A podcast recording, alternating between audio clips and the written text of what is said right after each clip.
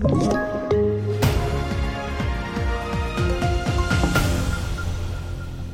TV4-nyheterna börjar med att utrikesdepartementet uppmanar svenskar som befinner sig i Turkiet att undvika större folksamlingar och manifestationer.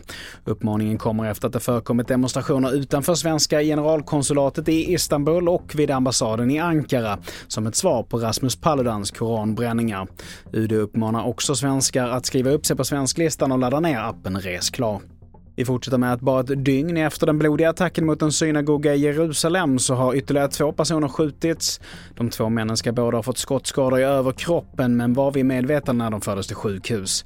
Skytten ska ha varit en 13-årig pojke som sköts av polisen och pojkens tillstånd är okänt. Och så här säger Anders Persson som är statsvetare om läget i landet. Vi har ju sett liknande upptrappningar många gånger tidigare i, i Jerusalem och de brukar ju dö ut ganska fort. Farhågorna det här, den här gången är ju att de inte gör då att det möjligen kan gå mot en tredje palestinsk intifada. Det är då liksom ett ihållande massuppror. Till sist, Malmö kommun har beslutat att skolelever från och med årsskiftet bara kommer att serveras kött en gång i veckan, det rapporterar Sydsvenskan.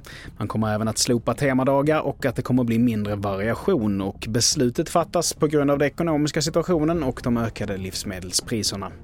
Fler nyheter hittar du på tv4.se. Jag heter Mattias Nordgren.